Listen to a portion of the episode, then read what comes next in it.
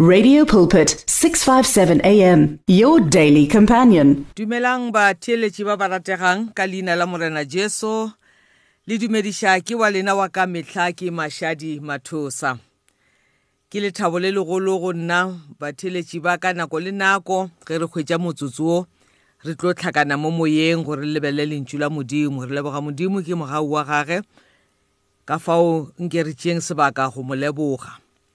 Papa ka leina la morena jesu re leboga nako yeo re fileng yona mamotla. We don't take it for granted. We thank you for your faithfulness over the years. O bontse o re fa nako ya gore re lebelele lentšu la gago le wena o e tla o re ruta o re godiša o re kgothatsa o re fodiša ebile o re lopolola le letšatši la mamotla re ya go mema re ntate ya lokileng e tla o tlo ba modimo. Le ka mogare ga nako ye ye kopane re e filweng. Re kgopela tsotlhe papa ka leina le le botse le le maatla la morena wa rena jesu kreste. Amen.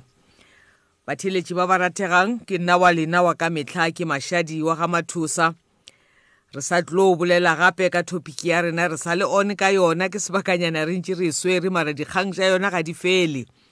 So ge modimo a ntse a re dumelela batheletši ba ka ke tlo duma gore re tšwele pele re ntse re lebelela mangwalo. A bolelang ka taba e leng gore e bolela ka the promise of heaven. Legodimo ke nto e botse kudu motheletši wa ka. Legodimo ke lefelo le e leng gore bjale ka bakreste ga re a tshwana gore go le lebala.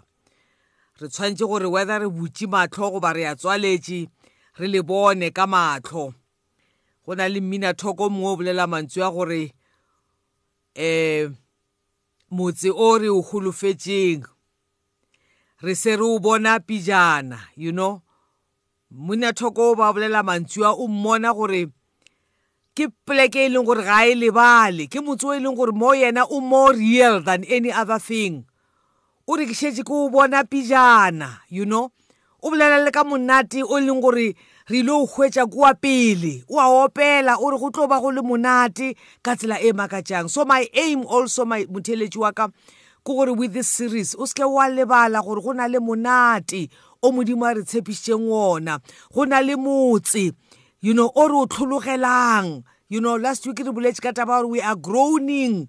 You know re bolela according to the scripture that we read in the book of romans chapter 8 from verse 22 to verse, to verse 25 gore we are groaning inside re tlholosetše motse ola o mo botse motse ola wa lethabo motse ola e leng gore bahugo ona ke dikgoši tse sa tsebeng mokgoši. Lentšu la modimo le bolela gore ke motse o e leng gore ga gona dikeledi ga gona bolwetši ga gona botlhoko. You know ke rata gore ka metlha motheletši wa ka go ntse o sepela leeto la bokreste go ntse o sepela ka re ga di-persecutions go ntse o sepela ka re ga difficult times.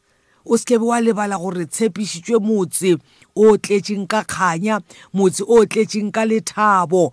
Minathoko gore ke šetše ke o bona you know ke motho a tletšeng ka tumelo ke motho a tletšeng ka kholofelo o re motse o nna go nna it's more real than any other thing o re ke šetše ke o bona.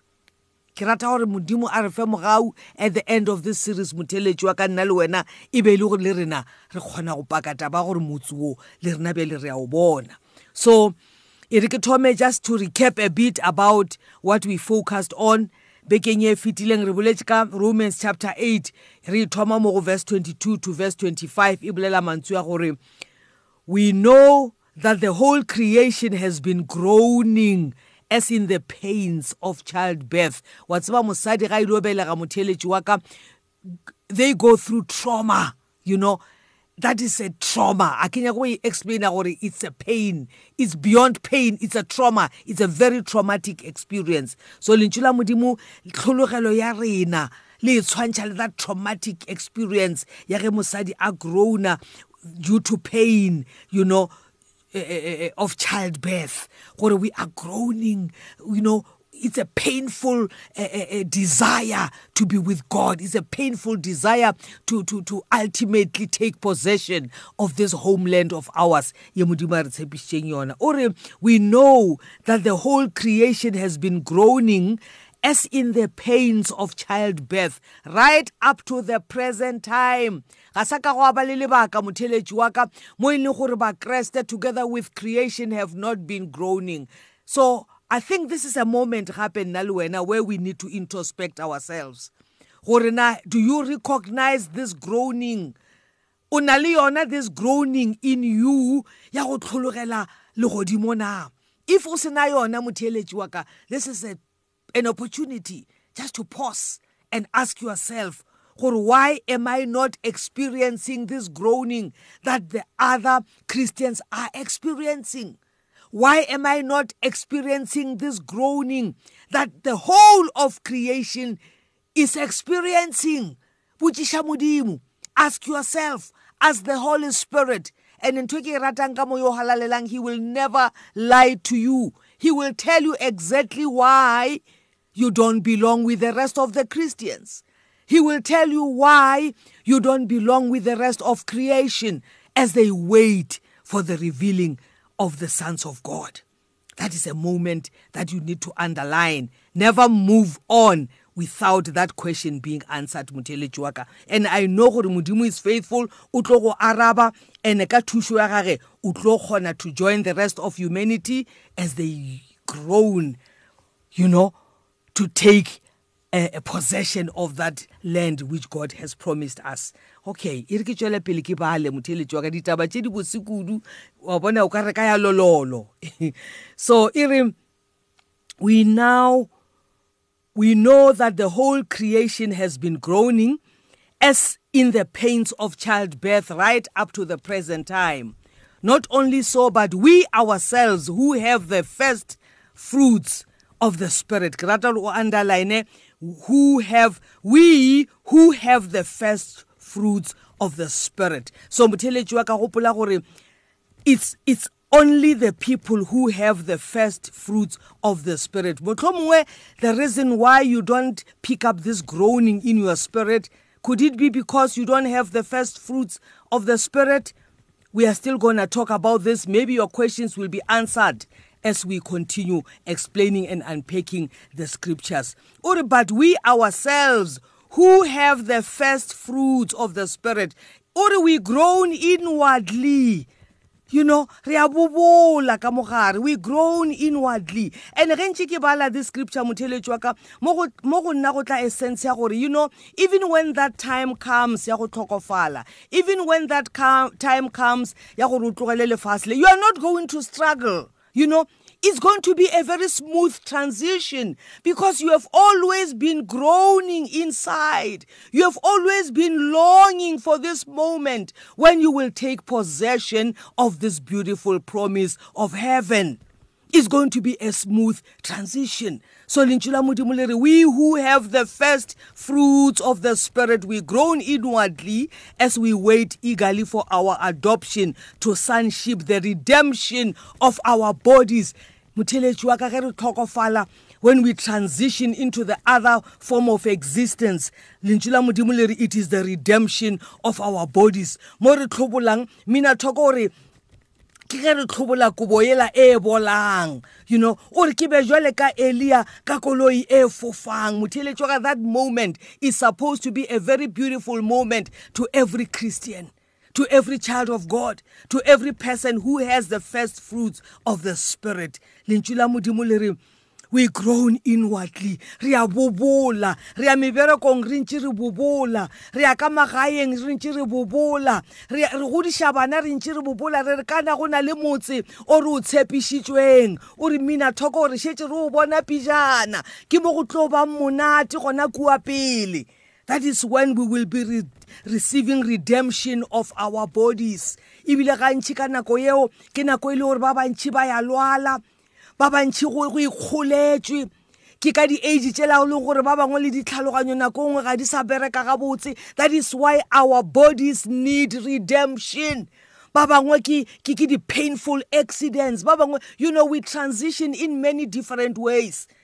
Motlhomongwe people are a bit worried ge ke thoma go bolela ka mokgwa o lentšu la modimo le re motho wa botlhale ke wa felang a gopola ka lehu la gage. And re leboga modimo ka morena jesu gore ge re gopola ka that moment mo e leng gore will be transitioning from this physical existence into the spiritual existence there is this beauty ye re e bonang. Mo lentšu la modimo le reng it will be when god will be adopting us you know? That is why stefano o rile ge ba mo kgatla ka maswika a re morena I am casting my spirit into your hands because it is a safe place to be. You know exactly your, where your spirit is going.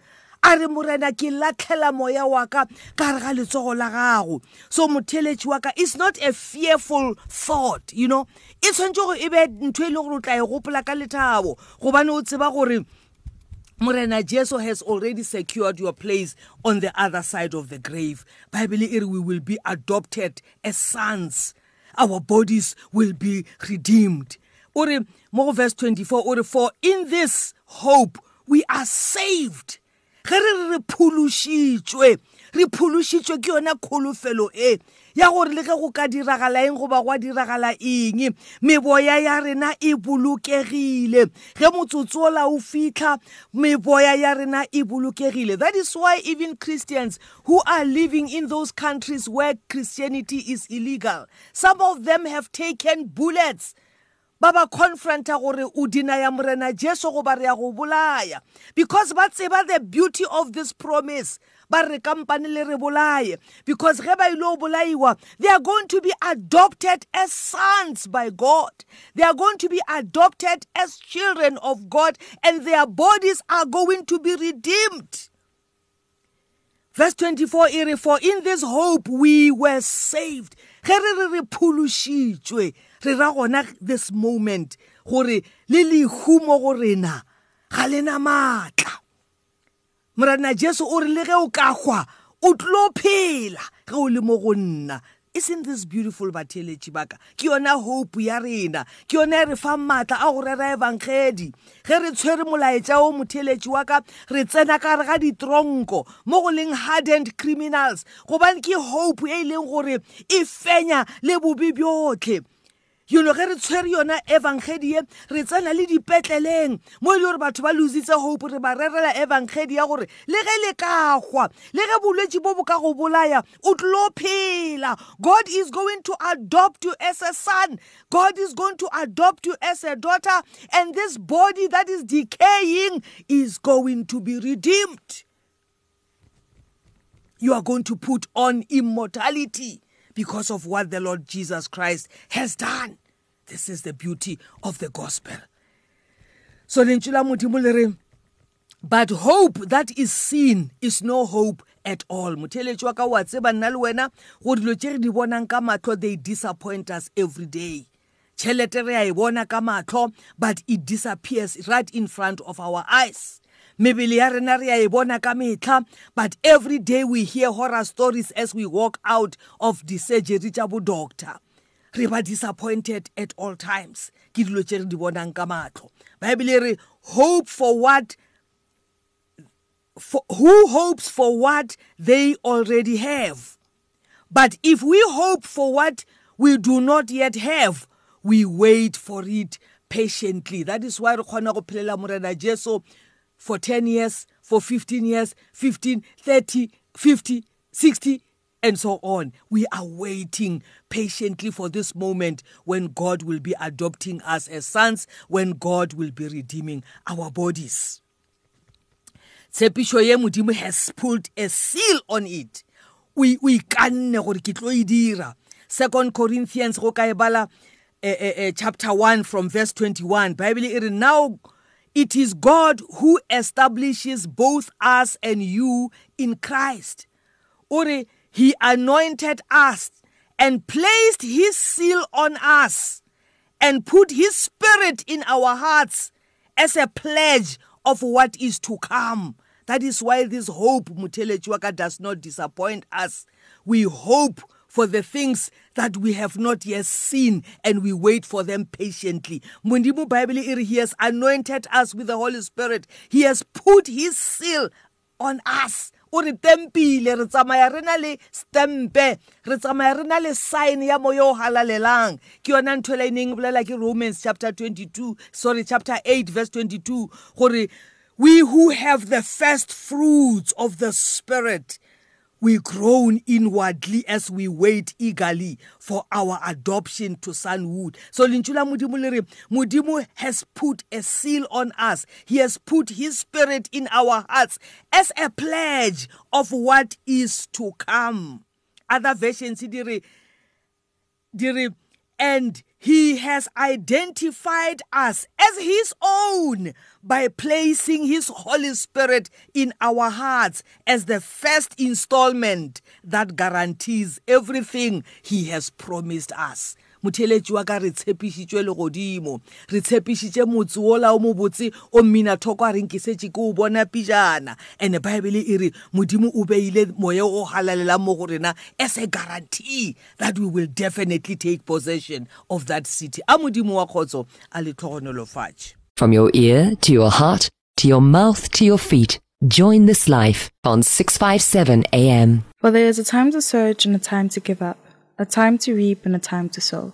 Radio Pulpit wishes to be there at all times, even when you just need prayer. Send us your prayer requests by calling 067 429 7564 or email it to prayer at radiopulpit.co.za. The search continues for top quality South African Christian music. If you are a new artist or releasing a new CD, then send it to Radio Pulpit. For more information, please visit the Radio Pulpit website. That's www.radiopulpit.co.za. Or phone us during office hours 012 334 1200. Radio Pulpit, your daily companion. You and 657 AM and life, a winning team on the road to eternity.